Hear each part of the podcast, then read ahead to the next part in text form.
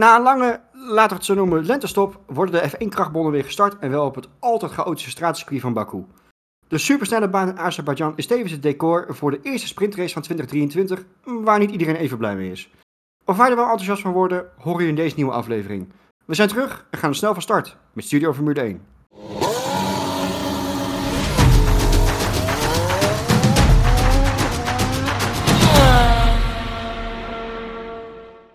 Mannen, wat fijn om jullie weer te zien na een maand afwezigheid. Ik heb uh, een echt in een hoekje, gezeten. Wat moet ik dan met mijn leven zonder races? Maar uh, blij dat we weer van, uh, van start gaan. Nee, zonder grap, het was natuurlijk een beetje een onverwachte lange stop. Ik moet zeggen, ik vond hem zelf niet helemaal welkom. Mede omdat je echt net lekker in het ritme zit van het seizoen. En dan stop je in één keer. Ik, ik vond hem zelf niet helemaal lekker. Wat, wat jullie? Nee, ook niet. Maar het was ook niet zo gepland natuurlijk. Normaal gesproken had je de Grand Prix van China gehad. Ja, die, die valt weg. En dan krijg je in één keer zo'n zo'n lentestoppen doorheen. Ik vond hem ook niet heel prettig. Ja, ik, ik denk dat het voor de teams wel mooi is, maar voor ons ja, wel apart. Nou, ik blijf het gek vinden dat ze, uh, dat, dat ze toch niks ertussen hebben gepland. Ik had echt verwacht dat ze wel iets aan een Grand Prix ertussen hadden gezet nog. Op een ander circuit, maar nou ja, blijkbaar toch Je bent een beetje net begonnen en dan is het opeens... Ja. Uh, ja. Dan is hij opeens weer stil. stil ja, daarom. Ja, het staat het hele circus weer stil. Ja, daarom. Maar goed, we gaan natuurlijk wel naar Baku toe. Dat is toch wel een circuit waar de meesten toch van uitkijken. Maar daar gaan we zo meteen wel even bij, uh, bij stilstaan. Afgelopen maand toch wel een aantal dingen gebeurd. Iets waar vooral de Ferrari-fans rijkhalzen naar uitkeken. Maar wat uiteindelijk toch denk ik afgelopen is zoals letterlijk iedereen heeft verwacht. Uh, is natuurlijk uh, het hoge beroep van Ferrari ten opzichte van de straf van Sainz. Ehm, nou, tot iedereen's verbazing staat die straf nog steeds. Is volgens mij niet heel verrassend. Ga ik vanuit of hadden jullie toch stiekem wel iets anders verwacht?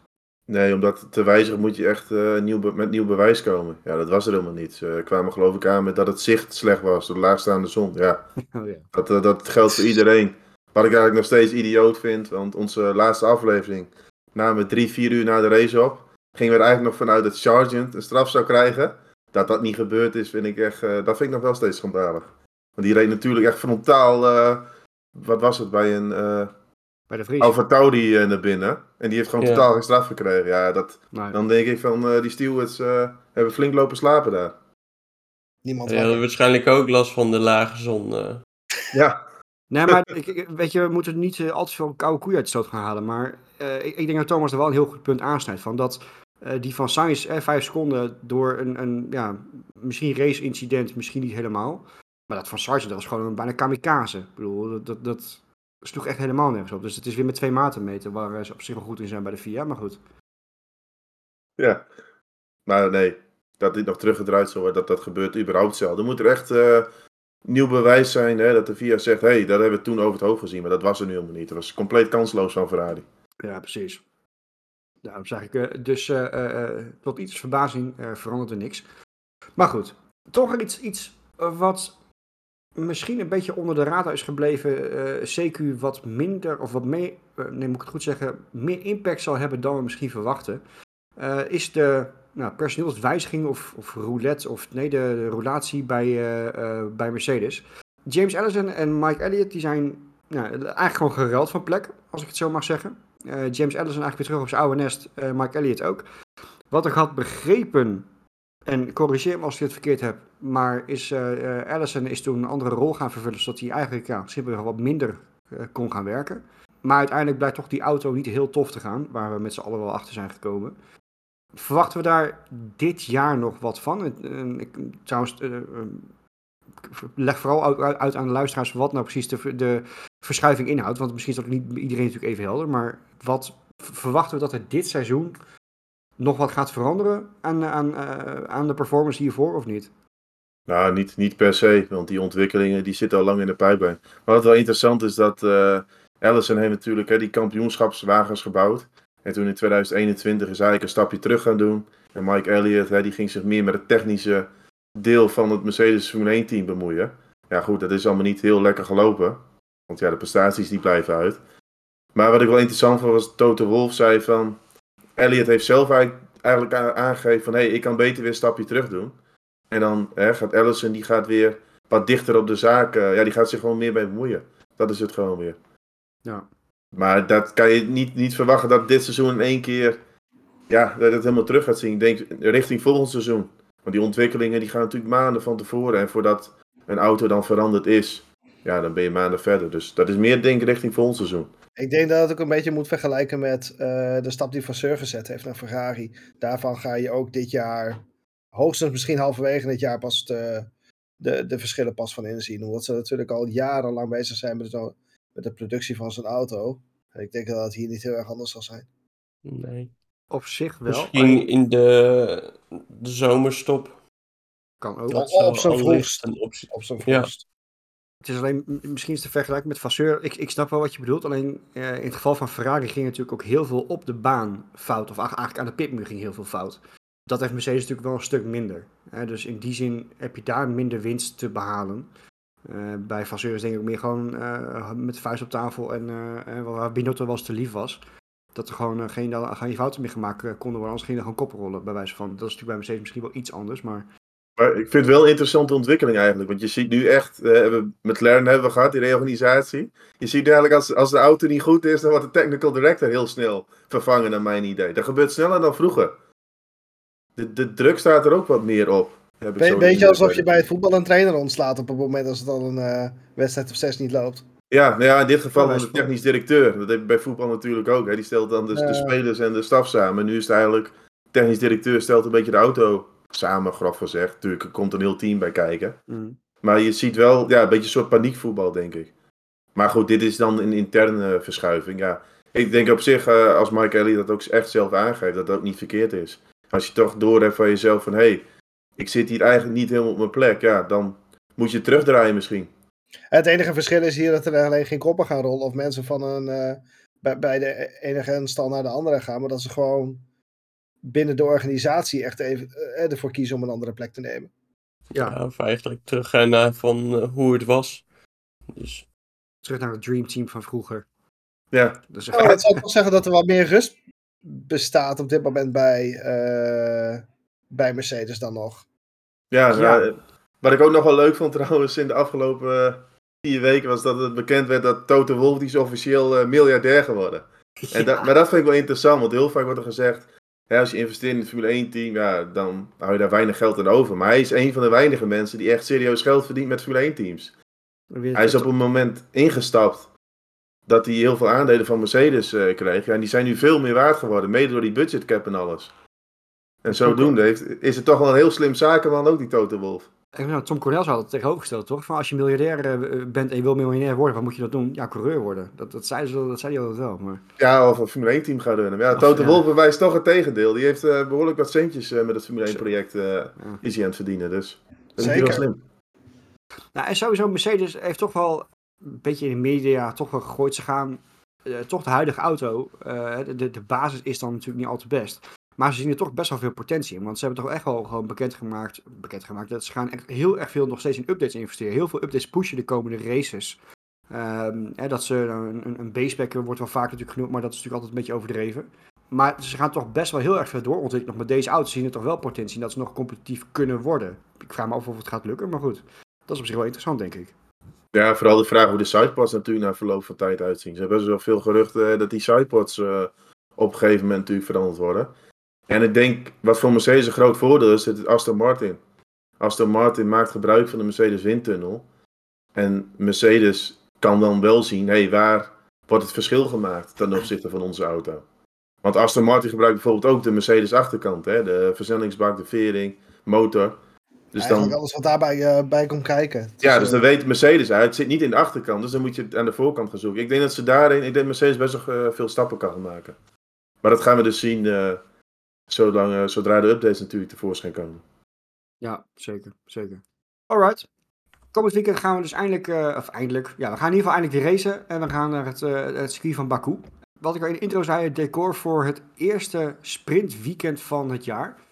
Ik zeg, gelukkig is het, geen, is het echt een op zichzelf staande race. En ik zou zeggen, laten we vooral die discussie openen, want ik ben heel benieuwd hoe jullie erover denken.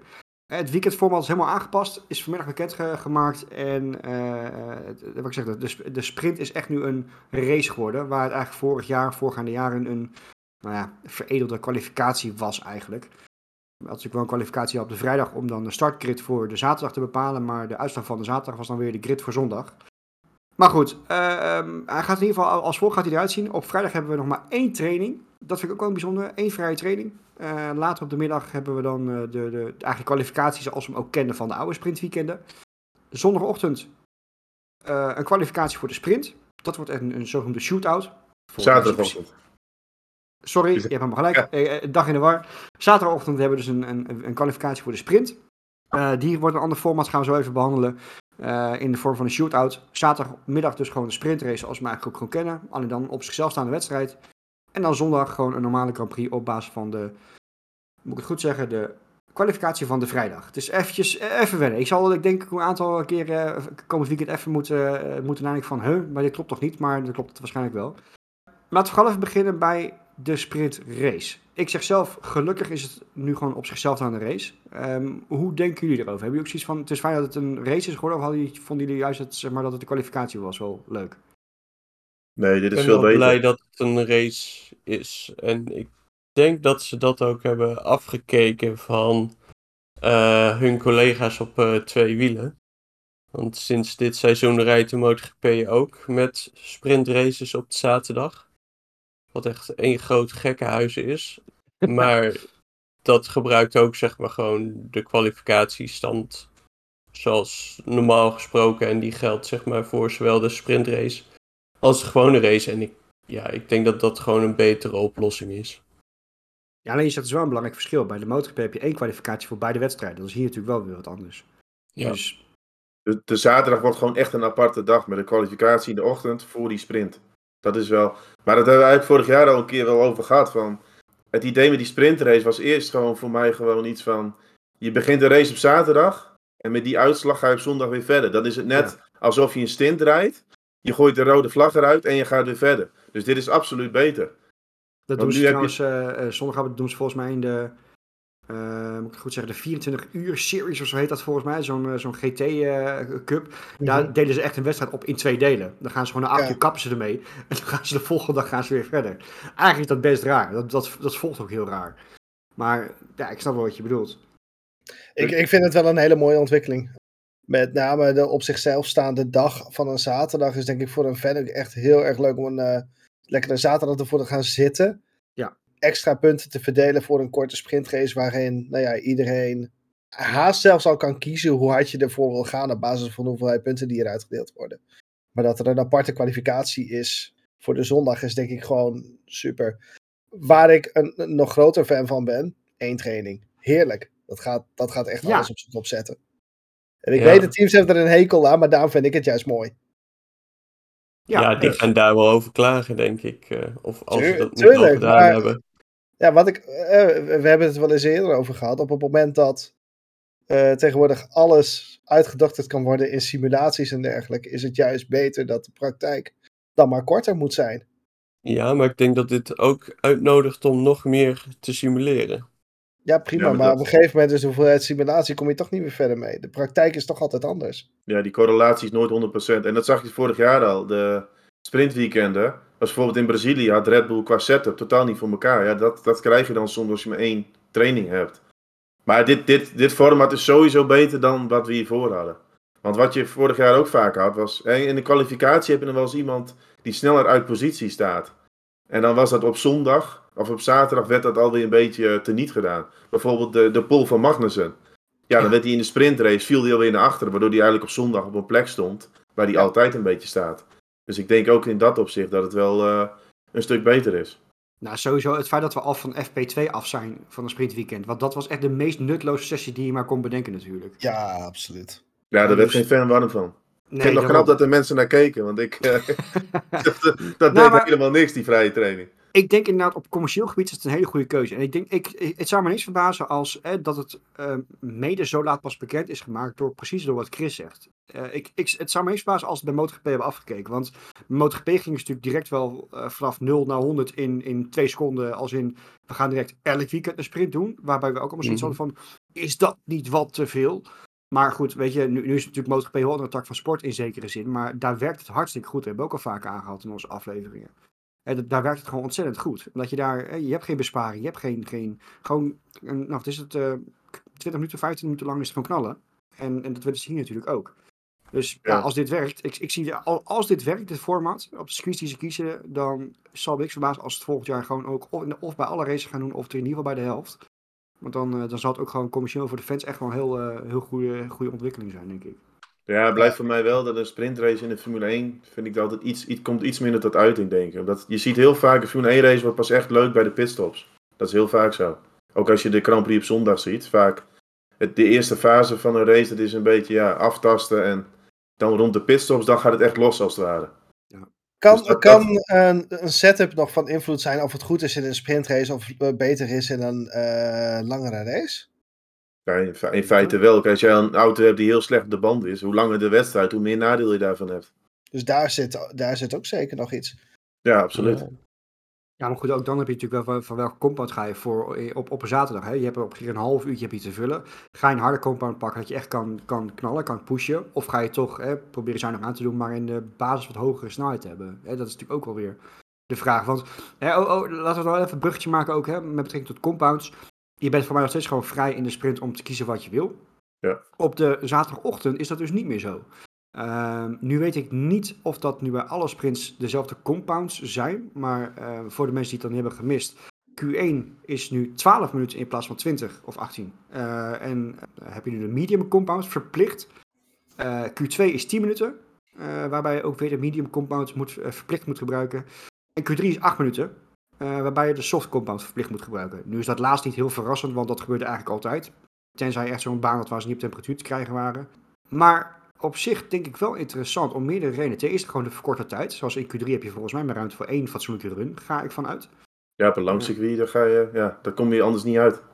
Daarom. Eh, maar toch verplicht een medium band gebruiken, waar niet iedereen even fan van is, op, hè, op, op one lap pace om het zo te noemen. Ik denk dat dat best wel interessant kan zijn, of niet? Ja, want ook elk, elk team heeft een band waar men beter op gaat. Eh, We hebben eens races gezien waarop een Mercedes bijvoorbeeld totaal niet op een medium band uit kan en iedereen op medium weg kan rijden. Weet je, dat, dat, ik, ik denk En- dat dat super interessant gaat zijn. Dat is best wel interessant dat je ook specifiek, eh, specifiek Mercedes noemt. Want als er één team is wat moeite, moeite heeft met banden op temperatuur krijgen, helemaal als het een hardere compound is. Ja, het, Zeker. het zal me niks verbazen hoor. Ja. Ja, dat, dat gaat wel een nieuw element worden. Dat je dus eh, twee keer die mediums inderdaad gebruikt en dan de, de soft, waar je eerder natuurlijk een standaard in de kwalificatie alleen maar de soft gebruikte. Ja. Maar wa- waar ze het idee mij- van maar één run kunnen doen vind ik wel interessant. Ja, Ja, maar dat zeker. hadden ze dus voor mij wel creatiever mogen aanpakken. Want nu is het dus zo, de derde kwalificatie is acht minuten. Ja, het merendeel van de circuit zal erop neerkomen dat je dan één run doet. Had dan zo'n zo'n shootout gedaan, waarbij eh, de nummer 10 van eh, Q2 dan als eerste had moeten rijden. Dan één voor één. Dat vind ik heel gaaf. En dan zie je iedereen in beeld. En dan kan je ook hè, echt zien waar de verschillen worden gemaakt. Dat vind ik wel een beetje een gemiste kans. Ja, Want je zult nu zien op een circuit als Baku, dat is algemeen bekend. Stratencircuit is het beste op het eind. Niemand wil als eerste die baan opgaan dan. Dus ja, eens even afwachten het uitpakt. Maar ik vind het een beetje een gemiste kans. Daar had ik zelf eh, zoiets van. Maar hoe, zou je dat dan voor je zien? Want je zegt net zelf, niemand wil als, als eerste. Doe je dan de Nummer 10 moet als eerste. Of de hoogste in 10. het kampioenschap als eerste en dan de, de laagste in het kampioenschap als laatste. Nee, jouw Q, beetje Q1 en rally-effect. Q2, Q1 en Q2 had je zo kunnen houden. En dan had je de Q3 had je de nummer 10 had dan als eerste gemoeten van Q2. En dan Ja, van 10. zo, ja, dat zou ook kunnen. Dat hadden ze voor mij wel mogen doen. Je hebt nu natuurlijk ook nog het risico, helemaal met zo'n kort format, ehm, van een rode vlag. Helemaal Baku. Hè, Ja, stel dat zat ik eh, te denken, ja. Ja. Stel dat we nu in één keer eh, Charles I am stupid Leclerc weer in het kasteel hebben hangen. Eh, eh, halverwege de, de snelle ronde. Ja, nee, maar goed, je lacht wel. Maar weet je, natuurlijk is even een, een grappig voorbeeld gezien voor eh, het verleden. Maar ehm, je- hoe ga je dan die startgrid bepalen? Want dan heeft letterlijk niemand een tijd gezet. Nee, en dan wordt het wel een beetje, ja, een soort casino-achtig iets. Ik had liever die één ronde gezien. Maar goed, Ja. ja. ze afwachten hoe, dit- uitpakt. Ja, Gewoon- maar dat- gewoon niet door het kasteel, gewoon eromheen. Ja, is op zich ook wel handig, denk ik. Maar goed, een beetje... Wie zijn wij? maar al met al beter vorm gegeven dan vorig jaar het sprintweekend, denk ik. Ja, Ja. sowieso. Want je krijgt ook zeg maar twee keer een kwalificatie. En dat is iets wat sowieso altijd wel entertainment oplevert. Oh, 100%. Ja, De absoluut. entertainmentwaarde gaat hiermee echt enorm omhoog. En ik, wat dat betreft eh, hebben we echt niks te klagen, denk ik straks. Nee, en ik Ja, zit nog en even snel naar te krijgt kijken. Hm? Krijg je voor, voor je zaterdag krijg je gewoon een heel raceweekend te zien. Praktisch Ja. gezien. Ja, bijna niet wel. Ja, ik ben, ik ben benieuwd. En we gaan natuurlijk nog een paar keer krijgen. Ik heb even nog een snel lijstje erbij gepakt. Spa, eh, Qatar, eh Kota op eh, Austin, Texas en Red Bull krijgen we nog. Ik denk wel goede keuzes. Qatar Mo- mooi wel breed af. scala ook. Ja, ook inderdaad. Ja, zeker weten. Eh Qatar vraag ik me af. Spa is ook natuurlijk toch de vraag, maar... Christian Horner, sowieso kijk, maar één run trouwens. Ja, Zit te denken. Ja, Ja. daar hangt van de lengte van het circuit af hoeveel runs je dan zou kunnen doen. Christian Horner is niet zo blij met het sprintweekend in uh, nou, ik, ik denk meerdere teambaas niet hoor, meerdere teams niet. Want het is natuurlijk best wel een dingetje ook gewoon met oog op schades en dergelijke. Je gaat, eh, om, Mhm. omdat het echt een race op zich is. Ik denk, wel, ik denk zelf, aanname, verwachting, dat de coureurs wel wat meer zullen gaan pushen dan vorig jaar. Vorige jaren in de sprint. Omdat het toen echt wel impact had op je, eh, op je zondag alvast. En dat is nu natuurlijk niet meer zo. Dus ik, ja, ik, snap, ik snap de angst wel. Ja, maar daarom is dat beter. Want als je eerder dus een grote fout maakte, dan moest je de dag erna achteraan starten. Ja. Dat risico heb je nu niet. Dus je, je kunt iets meer risico gaan nemen. Eh, Even, even een andere vraag. Ik, ik weet niet of een van jullie dat weet. Eh, met een normale Grand Prix heb je natuurlijk ook onzichtbare punten voor de rijders achter eh, eh, lager dan P11. Enig idee of dat nu ook geldt voor de mensen onder P, P9, P9 of lager? Want dat zou betekenen dat anders rijden die, rijdt met name bijvoorbeeld een, een, een Alfa Tauri en Alfa Romeo rijdt altijd voor spek en bonen, lijkt mij. Ja, in veel gevallen wel. Want je krijgt gewoon geen punten. Dus je hebt er niet zo heel veel aan. Dus. Ik, ik, ik denk eh, Dat dat... is een vraag. Dat is het wel. hè. Als jij P14, P15 er zijn een paar rond te rijden, dan kun je beter de mo- motor terugschroeven. Want ja, heel veel pushen, dat heeft dan niet heel veel zin. Nou ja, dat, is- dat dat- is de da- daar zit ik dus aan te denken. Wordt het dan niet tijd dat op het moment als je zoiets als dit wil introduceren, dat je ook misschien de puntentelling moet gaan herzien? Van een heel seizoen misschien ook wel. Hmm. Goeie vraag. Hele goede vraag. Ja, maar zoals in NASCAR, dan krijg je voor iedere plek krijg je weer extra punten. Dan, Ja. dan gaat het bijna die kant een beetje op. Maar... Ja, maar dan, waarom dan, zou heeft een, dan heeft een puntenfinish ook weer veel minder charme. Weet je, Ja, als- maar als- goed, als- dat, dat Nee, zou wel groot je de gaten maakt. Maar nee, ja, ik vroeg het me zo af, want ja, ik vind het wel eh, Alfa Tauri die gaat, gaat elke sprintweekend voor, voor spek en bonen rijden. Goeie vraag. Via, als je luistert, geef even antwoord. Zal zal wel niet. Ehm, nee, maar wel interessant. Ik eh, ben benieuwd. Ehm, goed, eh, wat er, eh, nou ik weet niet of het helemaal per se daarmee mee heeft te maken heeft, maar ehm, de teams mogen toch ook een motorcomponent extra gebruiken dit jaar. Ehm, ik denk dat ik vooral met schuin nog naar eh, het technicus Thomas kijk. Eh, jij had je een beetje in verdiept, begreep ik, van hoe die regels nu precies in elkaar zitten. Kan je het een beetje kort uitleggen? Nou, niet, niet per se heel erg verdiept, maar het komt er gewoon op neer. Omdat je nu dus veel meer kwalificaties hebt, sprintweekenden, wat die motor extra belast. Ja, dan ga je op het eind eh, heel veel grip penalties krijgen. Dan wordt het één groot kermis. Dus de teams mogen nu gewoon één component, component extra gebruiken. Van alles? Ja, van de meeste, meeste onderdelen wel. Oké. Dus nou, op zich wel goede zaak. dat opzicht is dat denk ik ook beter. Want ik denk dat iedere rijder, vorig jaar heeft bijna iedere rijder wel een grid penalty gehad. Ja. Ja. En dan met die kwalificatie, dan wordt die motor nog extra belast. Ja, op een gegeven moment dan eh, wordt het één grote kermis. En we krijgen steeds meer races op de kalender. Dus in dat opzicht vind ik dat compleet normaal. Ja, Ja. zeker weten. Uh, Vraag zou ook blij zijn. Hebben ze toch maar in 16 Grand Prix in plaats van 18 Grand Prix hebben ze een grid penalty. Dus dat valt ook wel mee. Ja, ik denk in het geval Ferrari hadden ze het wel mogen verdubbelen. Dan, eh, Ja. Kwamen ze misschien net uit. Jeetje mina. Nou ja, goed. Ver- verder gaat het helemaal goed in Italië. Dat gezegd hebben we. Gaan we toch eventjes inhoudelijk een beetje vooruitkijken eh, eh, op, op de Grand Prix zelf.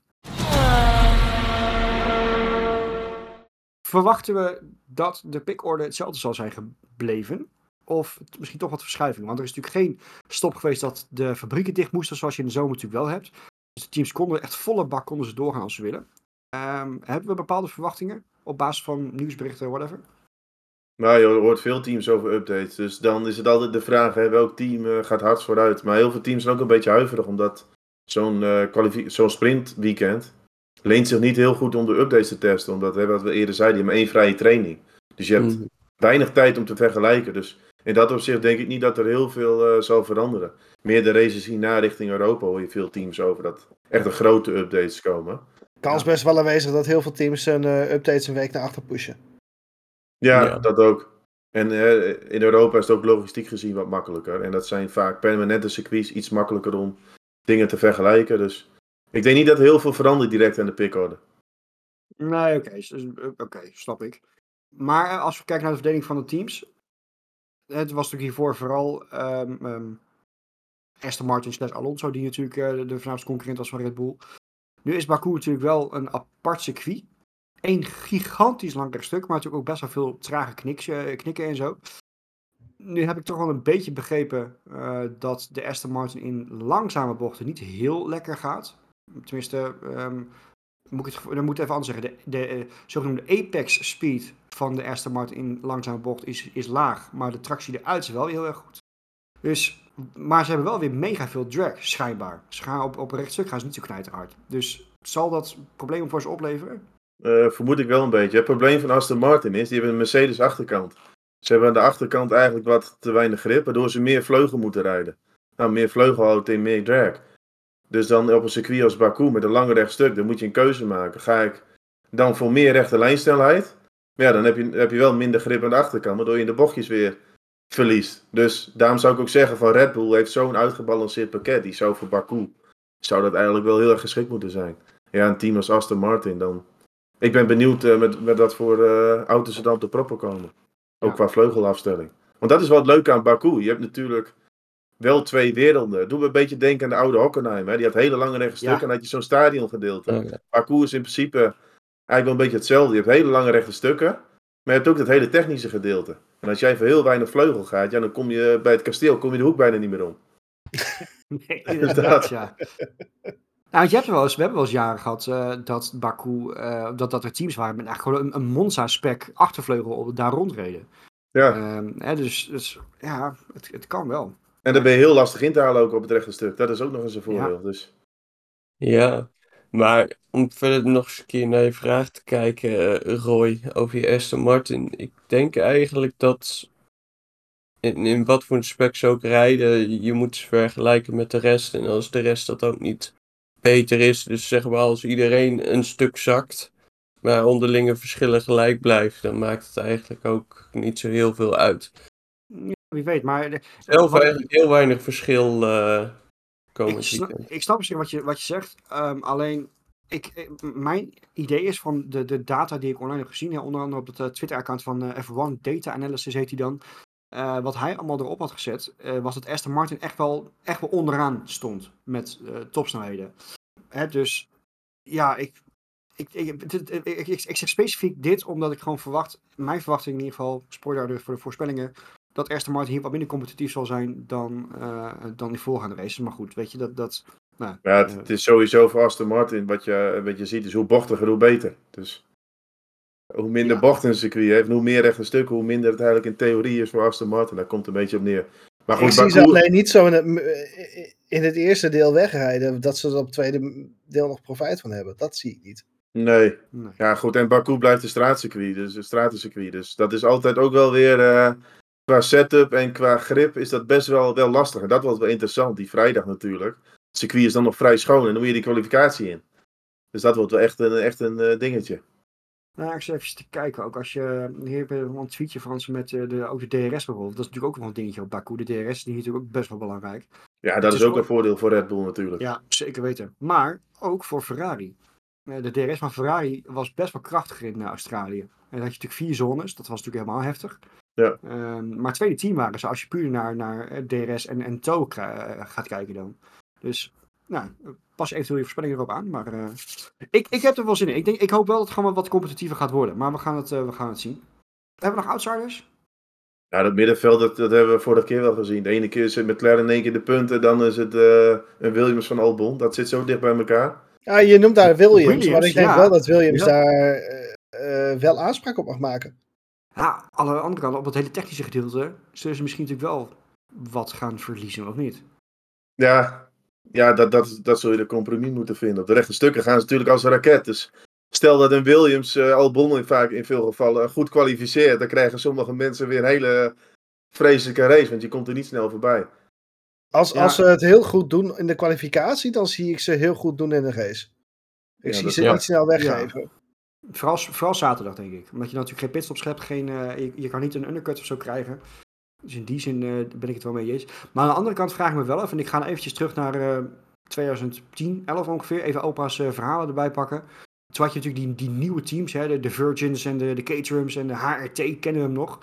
ik weet nog dat in die jaren, dat die nieuwe teams, op bijvoorbeeld Monza, die gingen ze knijterhard op het rechtstuk. En dan echt gewoon 10 km per uur harder dan de rest.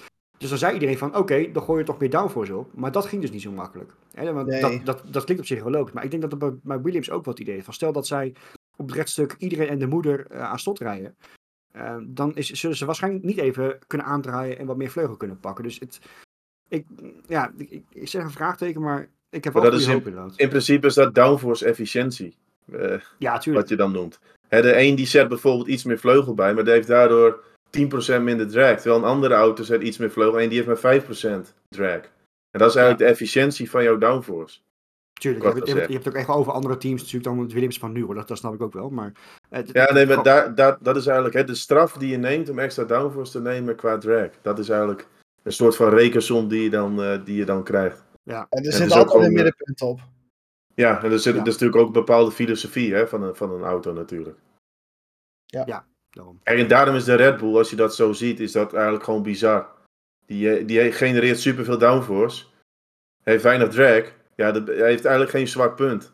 En daarom is dat echt ja, een super complete auto. En ook op een circuit als Baku, dat, zou dat echt eh, ja, heel goed het uiting moeten komen. Ja. In theorie. Een mooi bruggetje naar de voorspellingen, denk ik. Ehm, we gaan niet eh, de zaterdag en de zondag helemaal behandelen. Ik wil van jullie vooral gewoon even weten wie gaat de zaterdag winnen. Eh, echt winnen. En eh, wie staat de zondag natuurlijk eh, als vanuit op het podium. Chris. Brandlos. Ja, ik, ik denk voor de zaterdag ligt er gewoon heel erg aan wie daar het best kwalificeert. En die blijft voorop rijden. En ik vermoed dat dat Max zal zijn. En voor de zondag ga ik voor een Max, Checo en een Leclerc. Toch wel een toch nog op eh, competitief. Oké, ik ben, eh, ben benieuwd. Nee, want wel eventjes, eh, eh, die heb ik natuurlijk eventjes gemist. Sorry Marco, ik, je, je wordt gewaardeerd, maar we zijn je eventjes kort vergeten. Tuurlijk. Ehm, ehm, Baku is normaal gesproken qua spanning in de race wel heel spannend, maar qua spanning qua weer valt het vaak wel mee. Ehm, is het dit jaar anders? nou, Chris, ga jij de boel nog aanpassen als ik zeg dat het eh, gaat hozen? Of, eh, Ja, ik geloof niet dat het gaat hozen. Dat, eh, Maar zou je de boel nog aanpassen als het zou gaan hozen?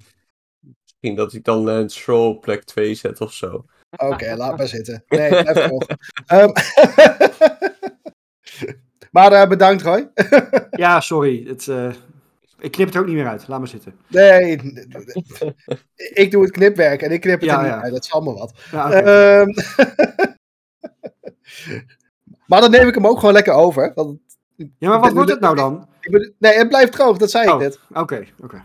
Maar dan wil ik zeggen, ik neem hem ook gelijk over. Ben u toch lekker aan het woord? Ehm, je doet er ook niks meer aan, hè? Ah, daarom. We zijn professionals, weet je Ja, dat? ja. Mij wel. Vooral jij. Zeker. Max wint de sprint. Heel simpel. Ik, ik- geen touw vast te knopen. Of juist wel. Eh, ik moet uitspraken. Ehm, de race, Max op 1, eh Perez op 2, eh, Leclerc op 3. Ook weer lekker origineel, maar oké. Ja, ik, ik, ik, ehm, ik, ik, ik verwacht dat Aston Martin eh, iets te veel drag gaat hebben, met name voor het rechte stuk.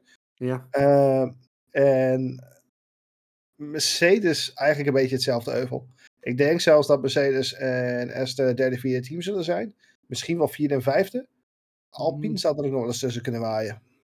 Ja, Die zijn ook nog, Die zijn ook ook nog wel verdacht snel op het rechte stuk. Ik vind Alpine zo moeilijk in te schatten. Is het ook.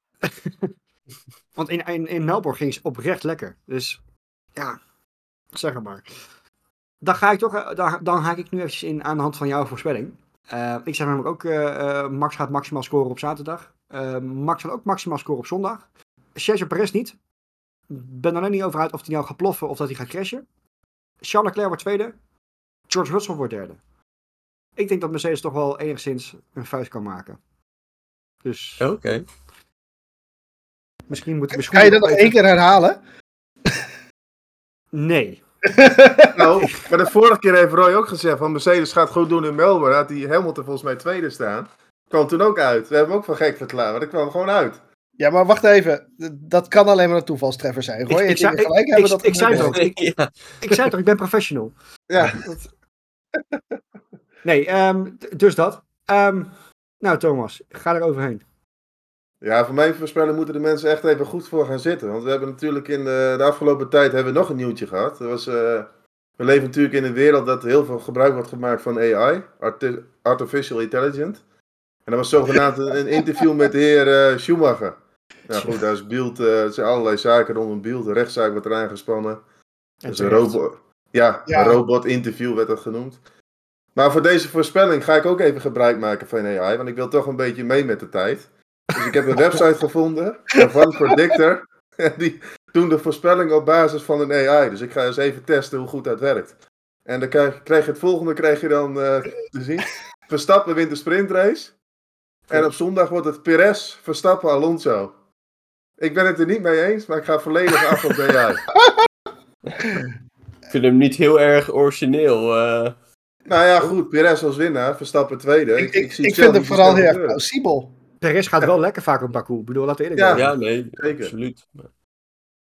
Maar goed, dat hem dus Op basis van wat voor data heeft deze AI eh, deze eindstand gekozen? Ja, ik denk prestaties op straat, dus ik en in het verleden op Baku eh Perez natuurlijk altijd wel goede prestaties gehad. Ik denk dat dat een beetje eh, de gang van zaken is.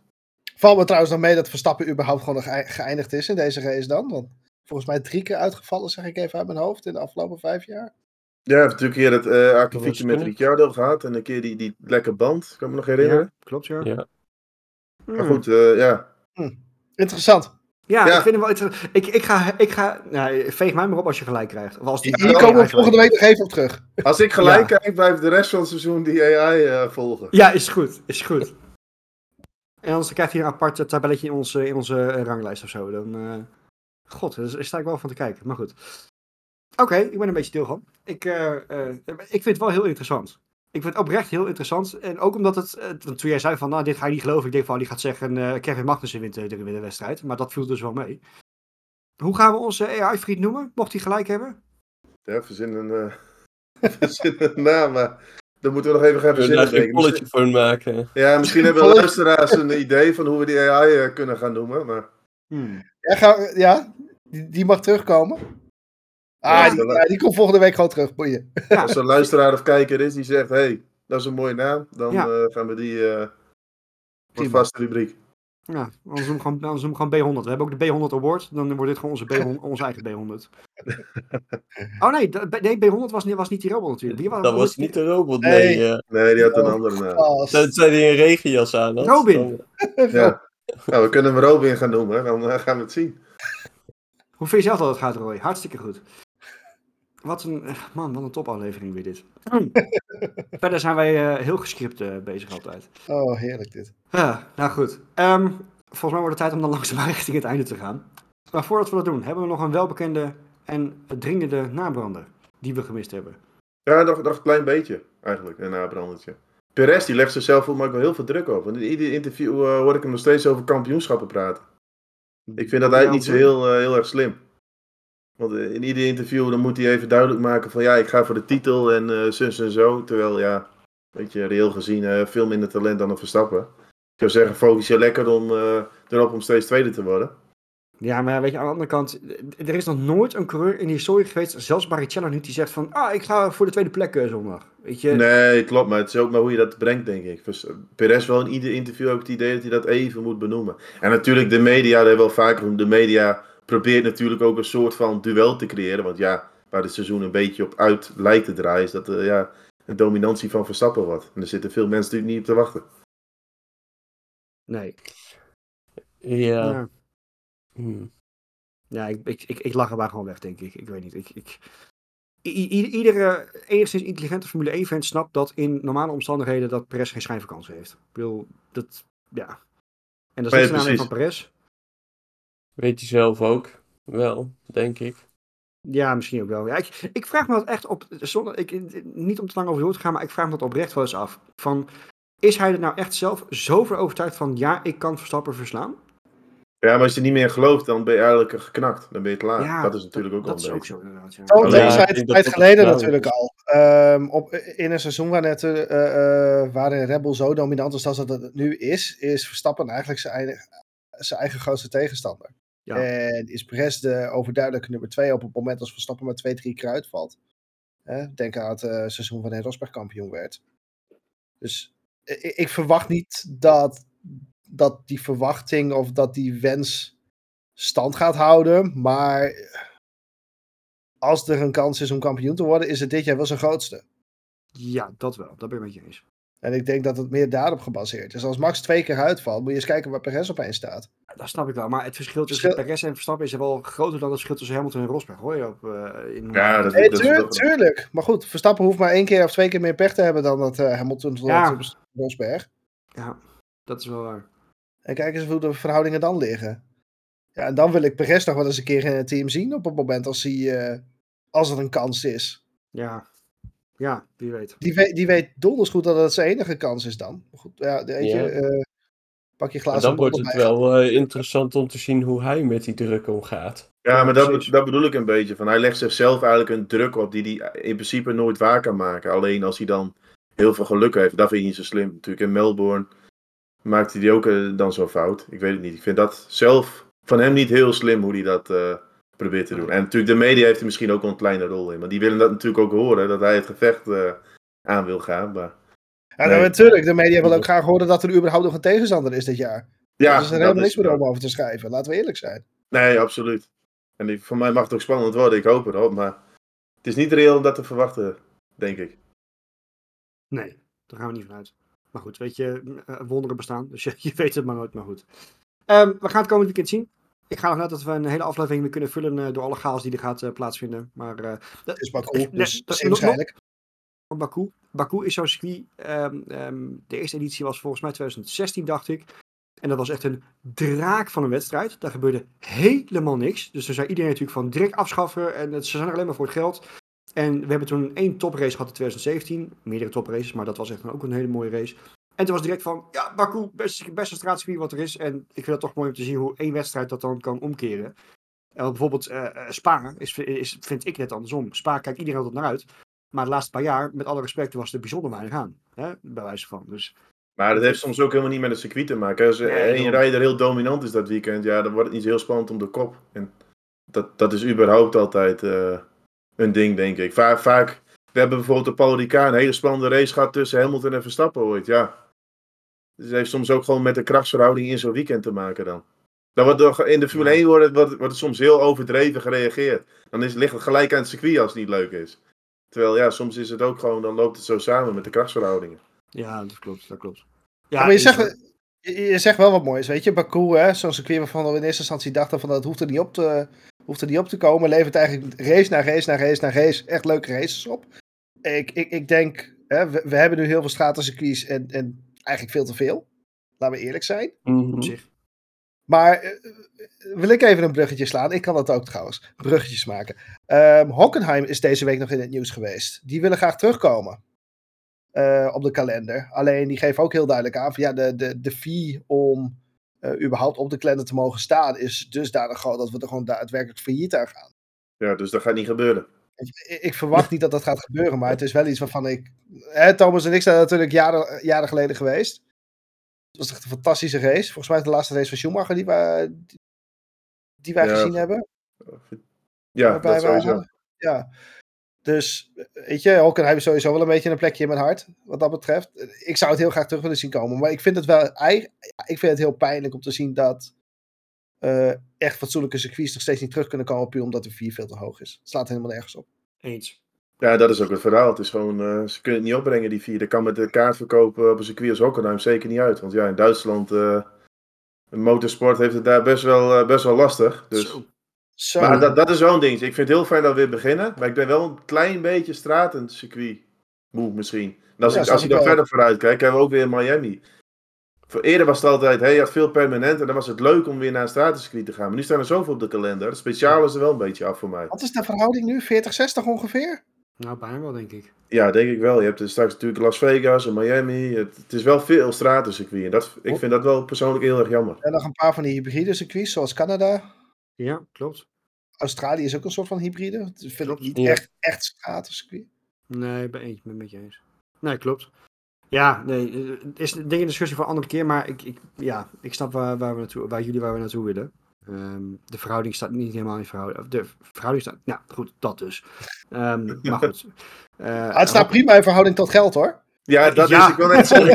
het is gewoon een kwe- kwestie van geld. Hè? Wie, wie het meeste biedt, Daarom. die krijgt de wedstrijd. Zo simpel is het. Nou goed, eh, nog een laatste afsluiten om eventjes eh, te lachen. Eh, eh, voor de mensen die het misschien niet hebben meegekregen, eh, afgelopen weekend was ook de Formule E van elektrisch, was in Berlijn. En daar dachten een aantal hele intelligente mensen om te gaan protesteren tijdens de Formule E tegen het milieu. Ook lekker handig door zich vast te lijmen op het circuit. Nou, ik heb de beelden gezien. Eh, eh, als je van leedvermaak houdt, dan moet je die eventjes terug op, opzoeken. Want die werden met redelijk wat geweld van het circuit afgehaald. Maar ik vind het vooral hilarisch dat je gaat protesteren bij eh, de klas die zich inzet voor eh, sustainability en dergelijke. Maar goed, dat is. eh, eh, Nee, dat, dat is niet heel snugger. nee, ik, eh, ik, ik moest er hard op om lachen. Maar goed. Gaan we volgens mij afronden. Eh, ik heb er zin in. We zijn eigenlijk weer terug naar, naar een maandje. En eh, we hebben ook echt vijf wedstrijden in zes weken volgens mij. Dus we gaan ook echt eh, lekker er tegenop. Maar we gaan, we gaan ervoor. Mannen, dank jullie wel voor deze leuke, leuke uitzending. Kijkers bedankt voor het kijken. Luisteraars bedankt weer voor het luisteren. En tot eh na de Grand Prix van Baku.